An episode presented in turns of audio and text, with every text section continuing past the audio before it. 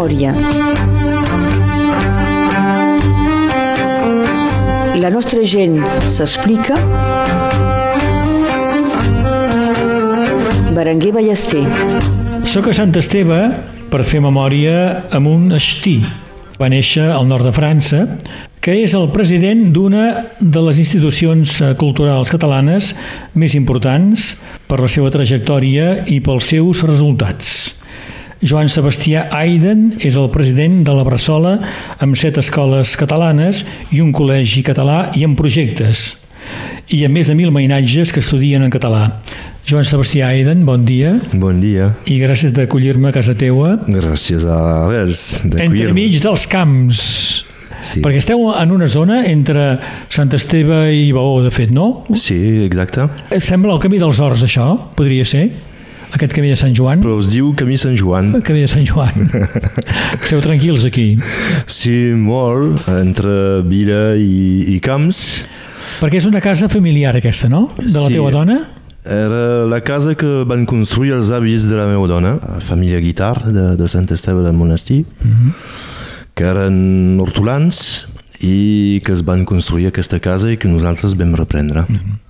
Quan vaig sentir parlar d'un tal Aiden, i a més a més que es diu Joan Sebastià, vaig pensar, home, més musical no pot ser això. Hi ha intenció aquí de posar Joan Sebastià a un Aiden? Sé pas, els meus pares m'han dit que no, però suposo que sí. Ma, en tot cas, és un honor per mi de, de, de tenir un, un nom Sí. sí. de músic, un nom i cognom de músic, ja que m'agrada molt la músic i tinc un fill que fa músic un poc, que això també és un, és un goig per mi. Me, he crescut amb un pare que eh, escoltava molt eh, de música clàssic. Mm -hmm. Li agradava molt i li agrada encara i un apassionat d'història també, doncs, eh, d'història musical Sí. i bon, doncs he crescut en aquest mm. entorn. No tens constància de tenir cap lligam familiar amb l'Aiden?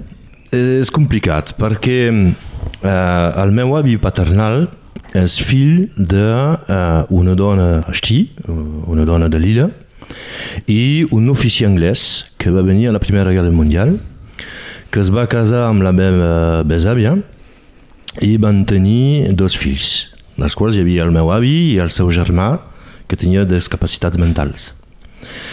Aquest home, a final de la Primera Guerra Mundial, la seva família anglesa el va tornar a buscar perquè era casat a Anglaterra, tenia dos fills ja, i es va proposar de portar els fills que havien tingut a França, a Anglaterra, per fer la llur educació, ja que era una família de burgesia de Manchester. Mm.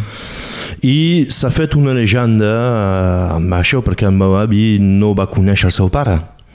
I la seva mare el va descuidar molt, i el meu avi s'ha fet una llegenda amb això dient que som els descendents del músic. D'acord. sé pas si és veritat o no. Però és bonic pensar Sí. en aquesta possibilitat, no? M'agrada. Molt bé. Ens explicaràs, Joan Sebastià, com un així com tu arriba a presidir la Bressola. Sí. Parlarem també del teu recorregut, eh, un recorregut professional doble, perquè durant uns anys eh, vas dedicar a la vinya i al vi i després et vas dedicar a l'educació especialitzada. Ho comentarem després, eh? A cavall de dos llocs, despullat, vers el món, esquivant decisions, somiant que perdo avions, no tingués-me per res, només he après que no tinc temps per pensar, que no tinc temps per pensar. No tinc temps per pensar, que no tinc temps per pensar, que no tinc temps. No tinc temps per pensar, que no tinc temps per pensar, que no tinc. Em convides a dinar i a mig àpat me n'he d'anar. Em sap greu de debò, però faig tard a no sé on, tot a mitges, cap per avall, tot fet i deixat estar. No tinc temps per pensar, que no tinc temps per pensar. Avui faig memòria amb Joan Sebastià Aiden, sem a casa seva aquí entre els camps a Sant Esteve. T'he presentat Joan Sebastià Aiden com un estí, perquè tu mateix, quan et vaig contactar, vas dir que havies nascut a l'illa i que eres un estí. Sí, Vas néixer a l'illa. vaig néixer a l'illa i de família estí, eh, al voltant de Valenciana, de pare i de mare. El meu pare va, era infermer eh, psiquiàtric, va postular a l'Hospital de Tuí i vam arribar l'any 75 a Tuí. Jo tenia dos anys, dos anys i mig i aquí va començar la meva vida catalana. Primer a Tuí i després a Terrats. Sí, Eh? l'any 81 Sí. eh, els pares van comprar una casa a Terats i a partir d'aquest any, d'aquest eh, trasllat en aquest vilatge, jo mm, vaig viure una infància i una adolescència eh, feta de llibertat. Mm Tens de... més records de Terrats que no pas de Tuí, doncs. Sí, sí, sí. De tu ja en tinc poc de, de records. Perquè vas anar a escola a Tuí. Sí, vaig anar a l'escola maternal i després a primària eh, fins a l'edat de 8 anys fins a arribar a Terrats. Veiem, què recordes d'aquell Terrats? Era els anys 80, doncs. Sí. Com era Terrats en aquell moment? Era un petit vilatge, un petit vilatge molt quiet, molt tranquil, amb un grup de nins del meu edat, molt lligats entre ells, i jo he arribat al mig d'aquest grup, I t'han acollit? que m'han integrat de seguit. El primer dia que he arribat eh, m'han acompanyat a casa a bicicleta, Ah. de l'escola, del, meu, del meu primer, Ah, primer dia d'escola. Per mi era una novetat, això. Aquesta llibertat d'anar eh, com, com volem, en bicicleta, a peu... Eh, I mm, em fa pensar que hi ha un proverbe que ve d'Àfrica Central que diu cal tot un vilatge per educar un infant. I crec que és la cosa que he viscut a Terrats. És a dir, que eh, he pogut gaudir d'una educació de totes les generacions. He fet moltes coses, tant de bones que de bestieses, sí. sota la mirada dels adults del vilatge, dels grans, eh, dels més joves, i m'he sentit molt acompanyat de vida. Acompanyat i vigilat també al mateix temps, no? Acompanyat i vigilat, però hi havia necessitat sí. De vigilar Sí. un infant un poc terrible com jo, Ah, sí? que he fet moltes bestieses i Com per exemple... el meu temps. Recordes alguna bestiesa oh. d'aquell temps? si la vols dir, eh? No, no, no, no, no puc dir tot. en tot cas, en he fet de grosses Sí. i en he fet de menys grosses, Sí. uh, com uh, apretar el timbre de la, de, de la casa Sí, d'una un- gran... Un clàssic, això. un clàssic, però amb un paper, una full de, de, de de jornal de diari, Sí, eh, amb un, unes coses a dintre i encendrà els Ah. fulls sí. Esperant que la, la, la persona apretava amb el peu bestieses. bestieses. bestieses. Uh, Joan Sebastià Aiden, uh, arribes doncs a Tuí quan tens dos anys i mig, uh, després aneu a Terrats quan en tens vuit. Quin és el teu primer contacte amb la llengua catalana? Um, el meu primer contacte amb la llengua del meu primer record va ser a Terrats, Terrats. amb una persona gran que es deia Julieta, la Julieta del vilatge, uh, que em parlava en català Ah, i que em volia aprendre el català. Jo, que de família així, però sempre he, he tingut aquesta voluntat de ser integrat, de ser adoptat i doncs d'aprendre la llengua. I m'he adonat a, a vivint a Terrats que hi havia aquesta llengua que es parlava eh, entre tots, eh, joves, adults i grans, i que bon, va, va, va, em va sonar com una cosa estranya això perquè jo no era acostumat jo sentia parlar esti quan anava de vacances allà però el parlar esti era només per fer bromes o per dir bestieses, diguem. el parles tu? Bo, conec Quatre coses. unes paraules. Sí. Però mm, aquí m'he adonat que la llengua catalana era una llengua de comunicació real i de comunicació quotidiana eh, en el poble.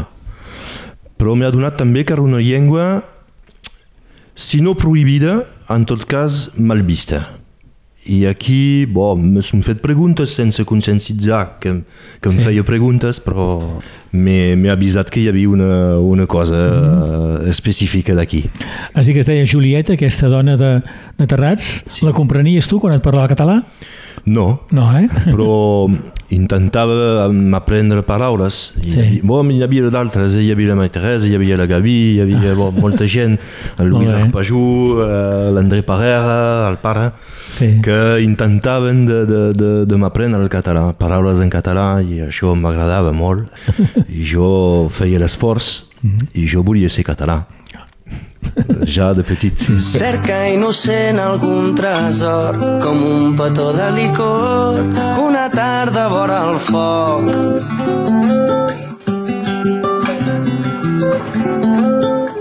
Cerca l'essència de l'amor tan màgic, tan diví abraçat a un art de Sant Martí Vols la dansa del vestit, vull la lluna dins del llit, fer-te la cullera a mitjanit.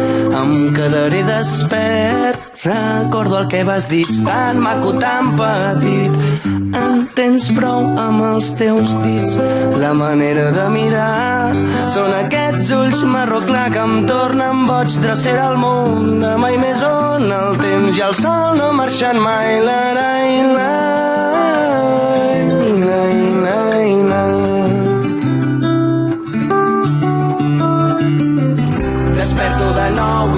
allà camí de tu d'entre totes les estrelles. Jo vull estar amb tu.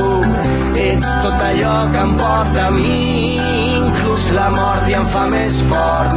Vull ser un camí un camí amb el cor Joan Sebastià Aiden, doncs, a escola a Tuí i a Terrats, i després els estudis et dirigeixes cap a un camí agrícola, mm. perquè fas el Liceu Agrícola de Tassà i també el de Carcassona. Sí. Em vols dedicar a què, en aquest moment? A la vinya i al vi. Ja ho tens clar, això. I, Als inicis pas tan clar que això, però a cap d'uns mesos al Liceu Agricol de Tesà eh, jo el tenia clar. Terrats és un vilatge de, És un de vi i de vi- vinyes. És un vilatge de vi i de vinyes. Sí. I jo em volia dedicar amb això. I doncs eh, m'hi he dedicat fins a l'edat de 32 anys. Mm. Què has fet en el treball de la vinya i el vi? Bo, he fet diverses coses. Bo, he venut productes de, de, de, de tractament, eh, productes químics de, per, per eh, curar la vinya. I després eh, he treballat a un, per uns vinyaters a Salelles, al Masalar, al Rambou, a, Ribes Altes, i el darrer lloc va ser eh, a Pontellà, a l'Auriga. Mm -hmm. Eh, on, se, on jo he participat a la creació d'aquest eh, vinyater i he fet els primers vins eh, Has fet, vol dir, com a anòleg? com a responsable de vinificació. Mm. Eh, hi havia un anòleg independent i jo feia la selecció de vinyes, de raïms, i jo feia els assemblatge i la vinificació i vet aquí. Van ser uns bons anys, aquests? Molt, molt bons, molt bons. I, Dels 20 als 32 anys, eh? Abans, eh, de, de, de, de 16, perquè Ah. ah. jo he començat a treballar Esclar. a l'estiu eh, a les vinyes o al celler de, de, la, cava, de la cooperativa Sí. eh, de Terrats, però mm, van ser uns anys eh, eh, sí, molt bons perquè he encontrat molta gent d'aquí, molta gent de, de tot arreu, he tastat molts vins, Eh, és una, és una passió, és, Sí. és un métier passió, Ah, eh, és més que, un- que, un- que una feina. Però són problemes d'esquena que m'han Ah. pas permetre de, de, de continuar i malgrat això bon, m'he guardat uns contactes i, Sí. i Continua la passió del vi, doncs. sí, la passió del vi la continuo, sí, sí. D'acord. perquè, Sobretot tastar bon vi. perquè cap als 30 anys has de canviar de, de bestier, és això? Sí. eh, perquè he tingut eh, un problema greu a l'esquena eh, i jo no podia continuar a treballar com feia i doncs eh, en aquest moment treballava a l'Origà mm, doncs m'han acomiadat per raons de salut i doncs eh, jo tenia de, de, de, de refer un projecte eh, professional. I aquí bo, jo el tenia clar eh, jo em volia dirigir fins a l'educació especialitzada. Uh, Hi ha un lligam amb aquí, amb el mestí del teu pare, doncs. Eh bé, inconscientment sí, sí. Eh? és després que m'he adonat, bon, bé, al final mm. fas sí. quasi la mateixa cosa sí. que el teu pare. oh, és pas un atzar, eh? No. tampoc. Uh, I què estudies, doncs? Què fas? Quina formació segueixes? La formació de monitor educateur a Marvejol, en Lozera. I després he treballat com a educador a, a l'IDEA a Perpinyà, eh, pel departament, al fugar d'acolliment de, de, de joves i infants. Eh. I després he treballat a l'ITEP, a l'Institut Terapèutic Educatiu i Pedagògic a Tologes, mm -hmm. primer com a educador i després com cap de servei. He fet una formació més, dos anys més de formació amb un diplom, doncs he fet això uns anys i després d'ençà dos anys eh, sóc director de centre especialitzat i m'he tornat a fer una formació i a aconseguir un diplom de director de centre. S'han acabat les formacions ara ja? Aquest tipus de formació crec que sí, ah. però acabar amb les formacions sé pas dir, sí, sempre... perquè sóc curiós sí. i m'agrada estudiar també. Quan jo a l'escola em sentia malament, eh, els meus anys escolars van ser durs per mi. Eh? Mm eh, jo tenia capacitat per aprendre, però tenia pas gana, i doncs eh, m'ha pas interessat de ser escolaritzat, m'ha pas interessat. Quan a l'edat adult em busco sempre formacions i vull aprendre sí. i bon, és això. Uh, has dit que vas treballar com a cap de servei educatiu de l'ITEP, de l'Institut eh, Terapèutic Educatiu i Pedagògic, un establiment per a adolescents amb trastorns de comportament. Sí, amb un estatut de persones handicapades, un centre apassionant perquè... Quins són, adolescents arriben aquí en aquest centre?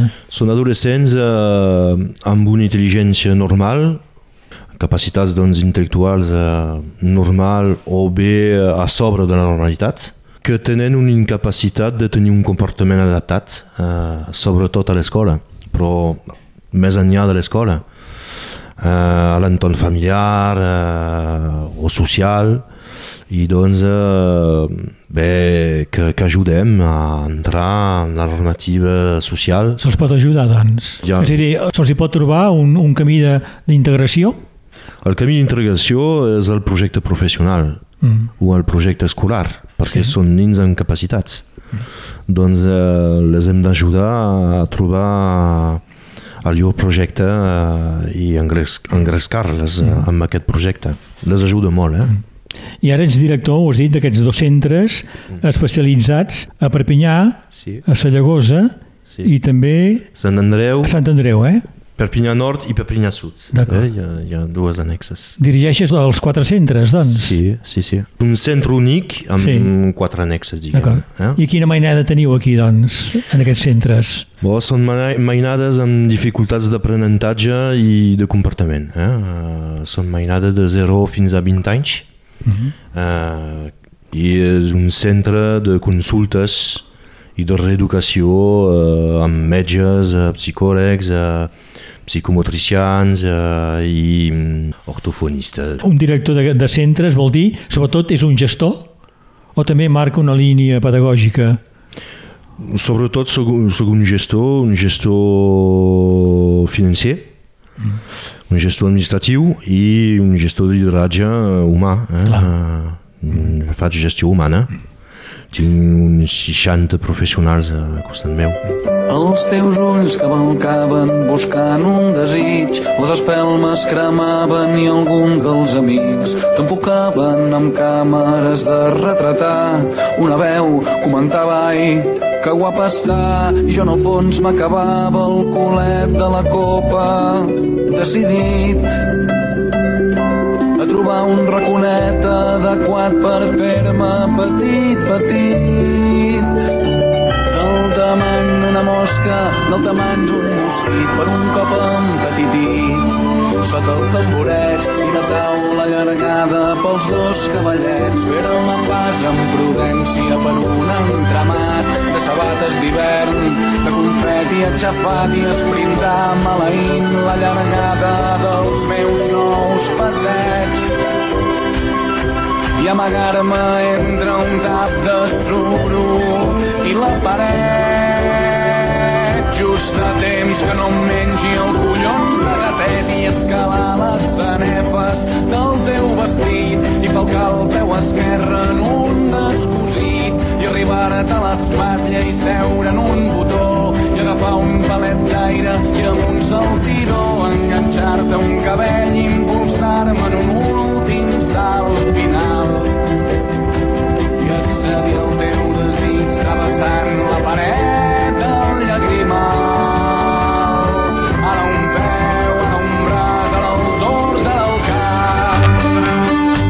Memòria a Ràdio Arrels amb Berenguer Ballester.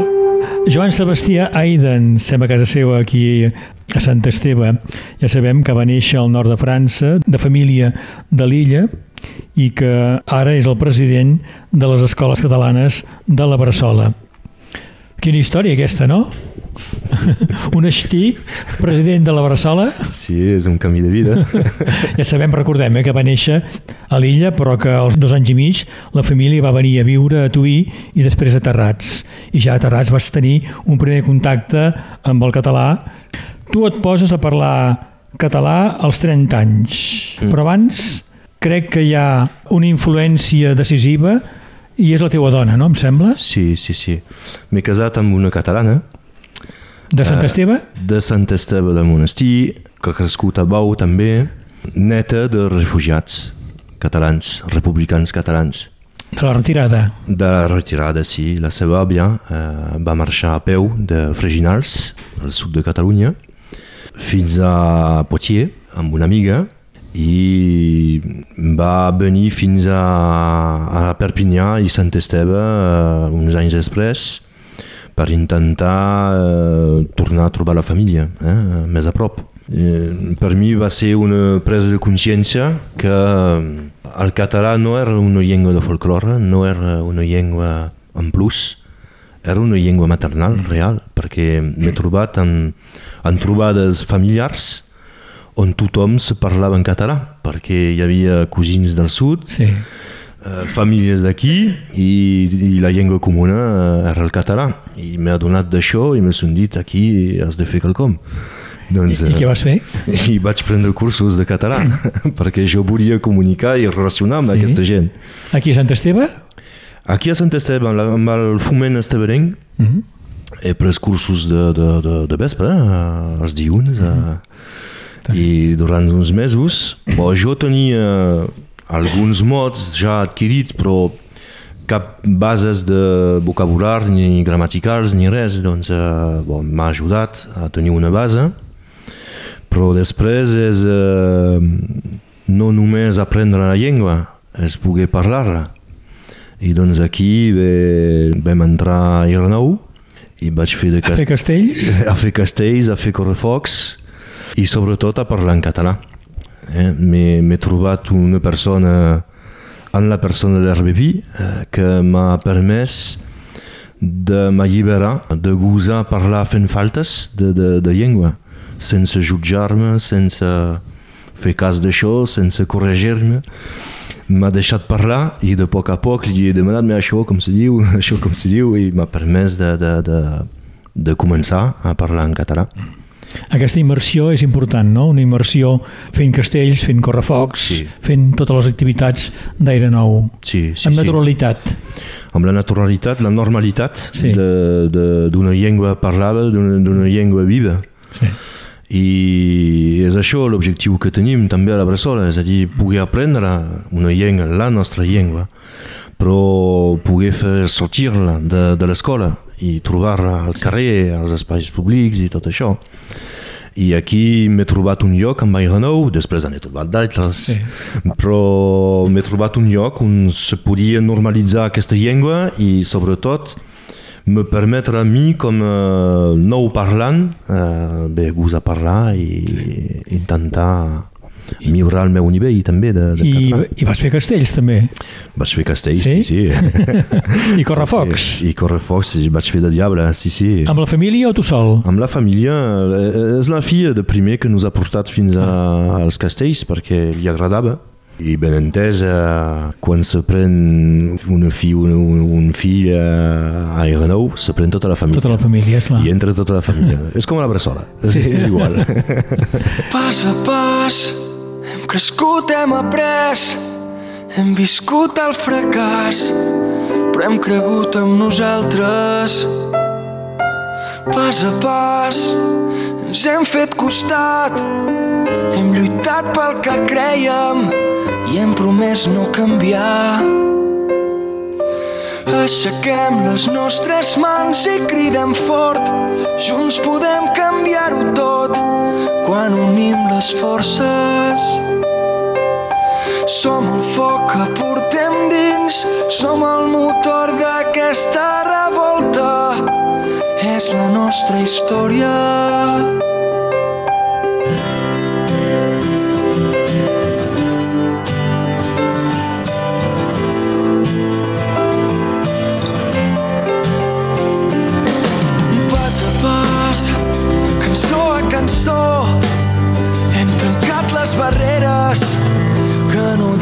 Enlloc i no pararem fins poder fer-la nostra, fins ser part de la història, deixant rastre en el camí.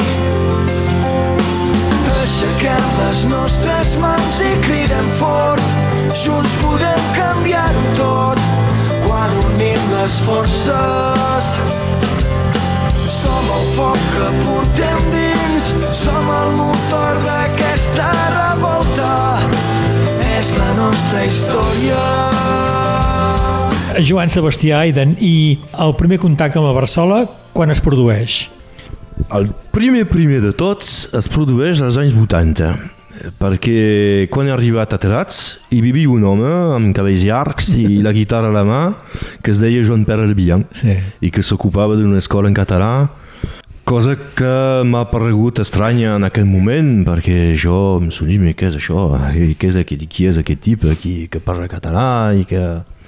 Bon, i va ser el meu primer contacte. Eh? Jo tenia un company que va, ser, que va anar a l'escola de Nils en aquell moment. Me recordo que en vam parlar tots dos, però jo tenia 8 anys i, i ell en tenia 6 potser a l'època.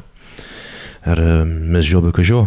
El primer contacte va ser aquest. Després, bon, durant uns anys eh, n'he pas sentit parlar ni m'hi he interessat i m'he tornat a tenir contacte eh, amb la Bressola en el moment on la meva dona, eh, que treballa per l'Ajuntament de, de Sant Esteve, va candidatar per entrar com a mainadera a la Bressola de Sant Esteve. Vet aquí, el segon contacte va ser aquest. I vas anar implicant eh, Sí, en sí. l'activitat de la Barçola. Bon, jo, abans d'això, ja tenia clar el projecte de la Bressola i que era un projecte que m'interessava molt i que jo trobava com, com una necessitat de país. Eh? Uh, jo ja tenia Sí. la certitud d'això. Eh? Uh, quan la meva dona hi va entrar, ben entès, de seguit, els nins hi van entrar, perquè hi eren pas als inicis, i aquí m'he fet meu aquest projecte, sense entrar encara a la Bressola,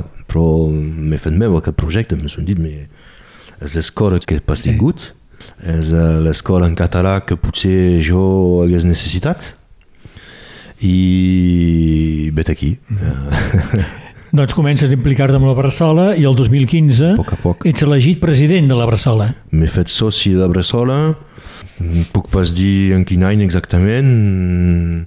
Va ser una sorpresa per mi perquè jo em trobava pas eh, legítim per ser president de la Bressola. Per què?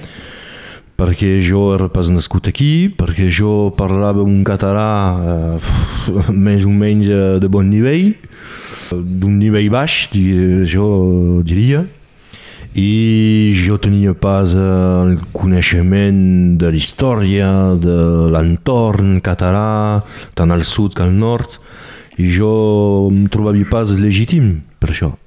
I són els companys de la Bressola que m'han dit, mais sí, eh, ara pertoca a tu. I bon, aquí els he dit, sou bojos. Però no vas resistir i vas acceptar, finalment, Sí, perquè és un honor. ser elegit president. És un honor ser llegit president Sí. sí. d'una entitat eh, tan prestigiosa com aquesta. Sobretot amb el meu camí de vida. Sí. Eh, és un honor de ser adoptat pels companys catalans que te diuen sí, ets, ets un català real, Esclar. ets un català de veritat. És un honor, no es pot refusar. Això vol dir que toca negociar amb l'educació nacional, Mm. amb els ajuntaments, amb la Generalitat. Sí. Ets un bon negociador. Sé pas si soc bo. en tot cas, soc pas tot sol. Sí. Eh, soc acompanyat pels companys, eh, per la directora general, l'equip directiu. Sí. Sí, sí, hi ha negociacions a tenir i sobretot encara 43 anys després hem de convèncer la gent que és un projecte, eh, més que un projecte, és una necessitat de país. sí. Set escoles i un col·legi.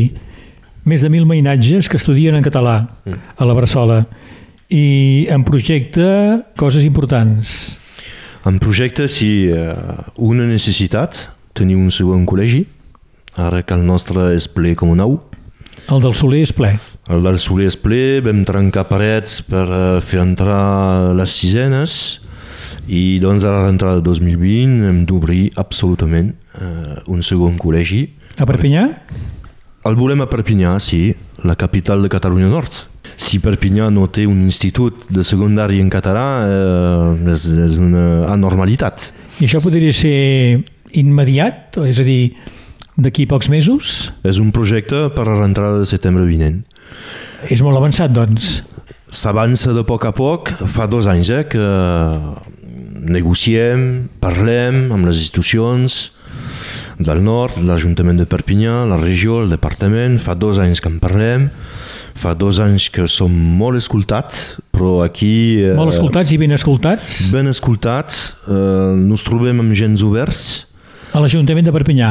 a l'Ajuntament de Perpinyà, al departament, a la regió també. Eh? Eh, hi ha gens oberts, però ara les hi he dit, bon, hem de concretar la cosa. És a dir, que fa dos anys que en parlem i nosaltres tenim una necessitat i tenim un projecte.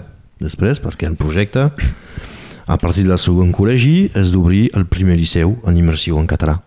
Un liceu. Un liceu, sí. sí L'etapa superior, doncs. L'etapa superior i el pont entre eh, el col·legi i la universitat Sí. per tapar forats, eh, sobretot, perquè al al nostre país tenim eh, al liceu tenim unes optatives en català, els, els alumnes tenen la possibilitat de continuar el català, però només amb 3 hores a la setmana. I hi ha una mancança a l'arribada a la universitat a nivell de, de, de llengua, a nivell de, de, De fet, continuïtat, eh? Sí. de continuïtat sobretot. Eh? Però aquest liceu de Bressola es vol obert també als alumnes que, que volen estudiar fins al batxillerat en català. Aquest liceu seria ja posterior al col·legi. Sí, dir, el projecte és de més llarg que això, no? més llarg però pas tant que això. Eh? Ah. Volem pas esperar I massa. ja em eh? situem, el col·legi de Perpinyà seria reentrada 2020 Sí, i el liceu rentrada 2021. 21. Sí, sí. Això és, és l'idea que tenim ara. Eh? Sí. Uh, hem de, de treballar sobre el projecte del, del liceu perquè és una feina eh, a fer. El nostre objectiu és, és aquest. Si és 2022, serà 2022, Sí. però volem pas esperar 10 anys més, eh? tampoc. Uh, sí, l'idea és de fer un institut de secundari. Uh, un institut reagrupant un col·legi, segon col·legi, mantenim el del Soler, eh? que, que tenim, un segon col·legi, un liceu i a partir d'aquí bé, podem continuar a desenvolupar l'oferta eh, d'escola en català. El col·legi i el liceu estarien junts? Sí, al mateix lloc Sí. i bon, l'hem pas inventat tampoc, eh? Eh, Vam anar a veure els nostres companys bascos, els nostres companys de bretons també i vam veure eh, el llur projecte de liceu, eh, els bascos en tenen tres. Eh, els bretons en tenen dos, crec, de, de, de liceus, eh, no recordo pas ben bé. Mais en tot cas eh, hem vist en allà que hi ha un pas més que es fa amb aquests alumnes que fan la tria de quedar-se al liceu fins al batxillerat. Hi ha una conscienciació de, de la llengua en la qual estan vivint. Hi ha una conscienciació també de l'efecte en el país, amb el país, i doncs això és una ajuda suplementària per fer país i per fer créixer la llengua en el territori, la llengua que no volem per perduda. I lluitem, fa 43 anys que lluitem per això, no la volem per perduda, aquesta llengua catalana. Uh, Joan Sebastià Aiden, m'has dit que en les negociacions trobeu bons interlocutors en els ajuntaments, al Consell Departamental, a la regió, a la Generalitat i al Ministeri, a París, també? És diferent. Ah. És diferent. Uh, tenim un conveni amb el Ministeri, doncs estan obligats a parlar amb nosaltres i estan obligats a pujar mitjans per les escoles concertades, diguem. Mais sempre, sempre hi ha aquesta necessitat de la gent d'allà de dir-nos que la llengua és el francès i que la llengua de l'Estat és, és el francès i que l'hem pas d'oblidar i, i doncs és una lluita permanent per fer reconèixer les nostres llengües, sobretot la nostra, la llengua catalana, com uh, llengües normals d'aquí, uh, de l'estat francès, perquè fem part de moment de l'estat francès, i és per això que em vam anar a manifestar a París fa poc temps, sí. uh, el cap de setmana passat. Amb altres llengües? Amb d'altres llengües que tenen la mateixa reivindicació que la nostra, reivindicació natural, legítim, del reconeixement i de l'accés a l'aprenentatge de la nostra llengua. La balanguera misteriosa com una aranya d'art subtil buida que buida sa filosa de nostra vida treu el fil com una parca bé que vila teixint la tela per demà la balanguera fila, fila, la balanguera filarà. Com una barca bé que vila, teixint la tela per demà. La balanguera fila, fila, la balanguera filarà. girant l'ullada cap enrere guaita les ombres de l'avió i de la nova primavera sap on s'amaga la llavor sap que la soca més s'enfila com més endins pot arrelar la balanguera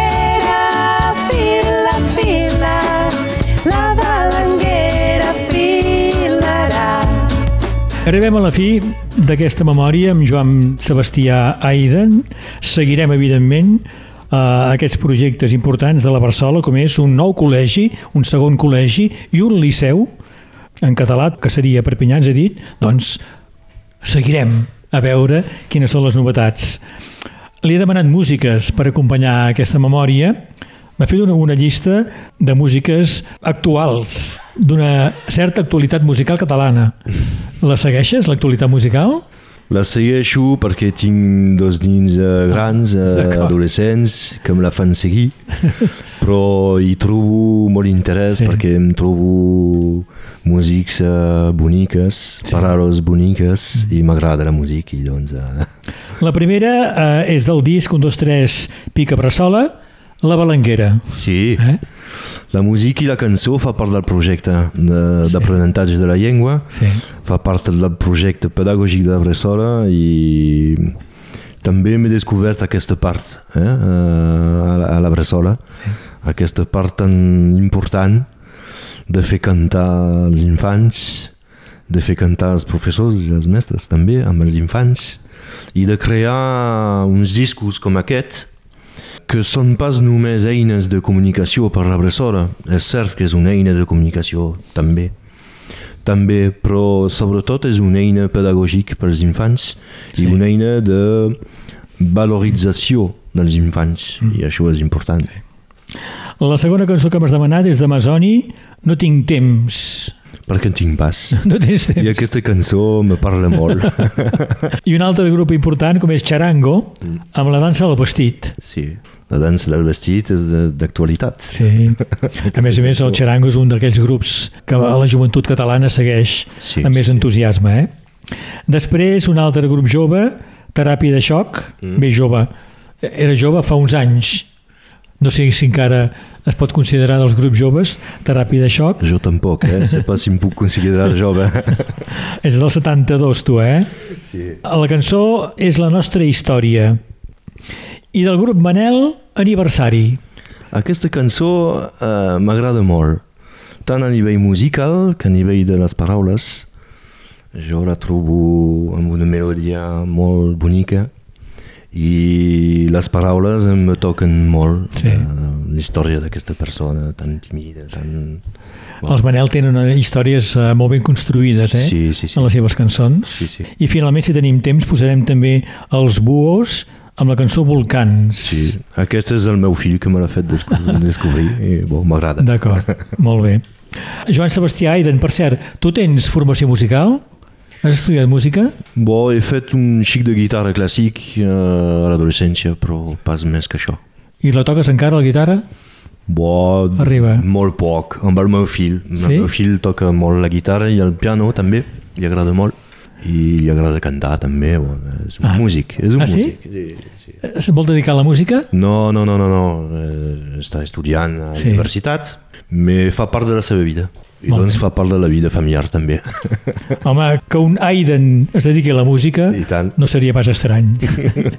Joan Sebastià Aiden, gràcies d'haver-me acollit aquí a casa teva, a Sant Esteve. Moltes gràcies a Radio Res. Gràcies, bon dia. Sense regles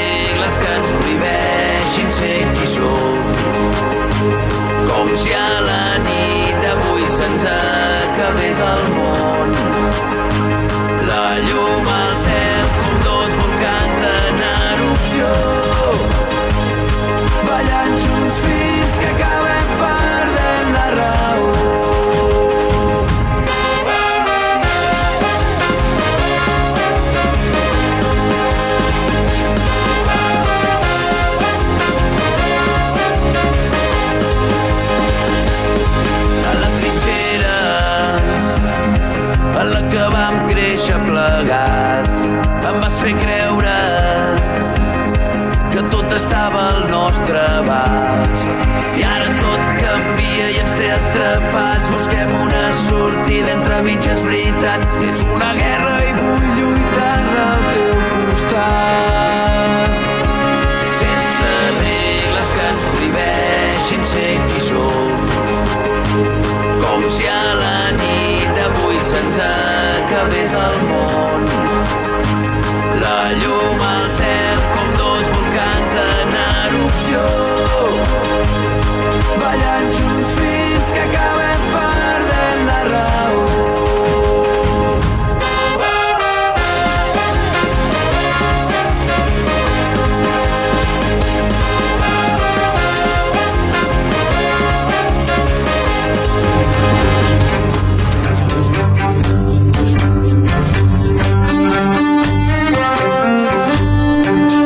Memòria.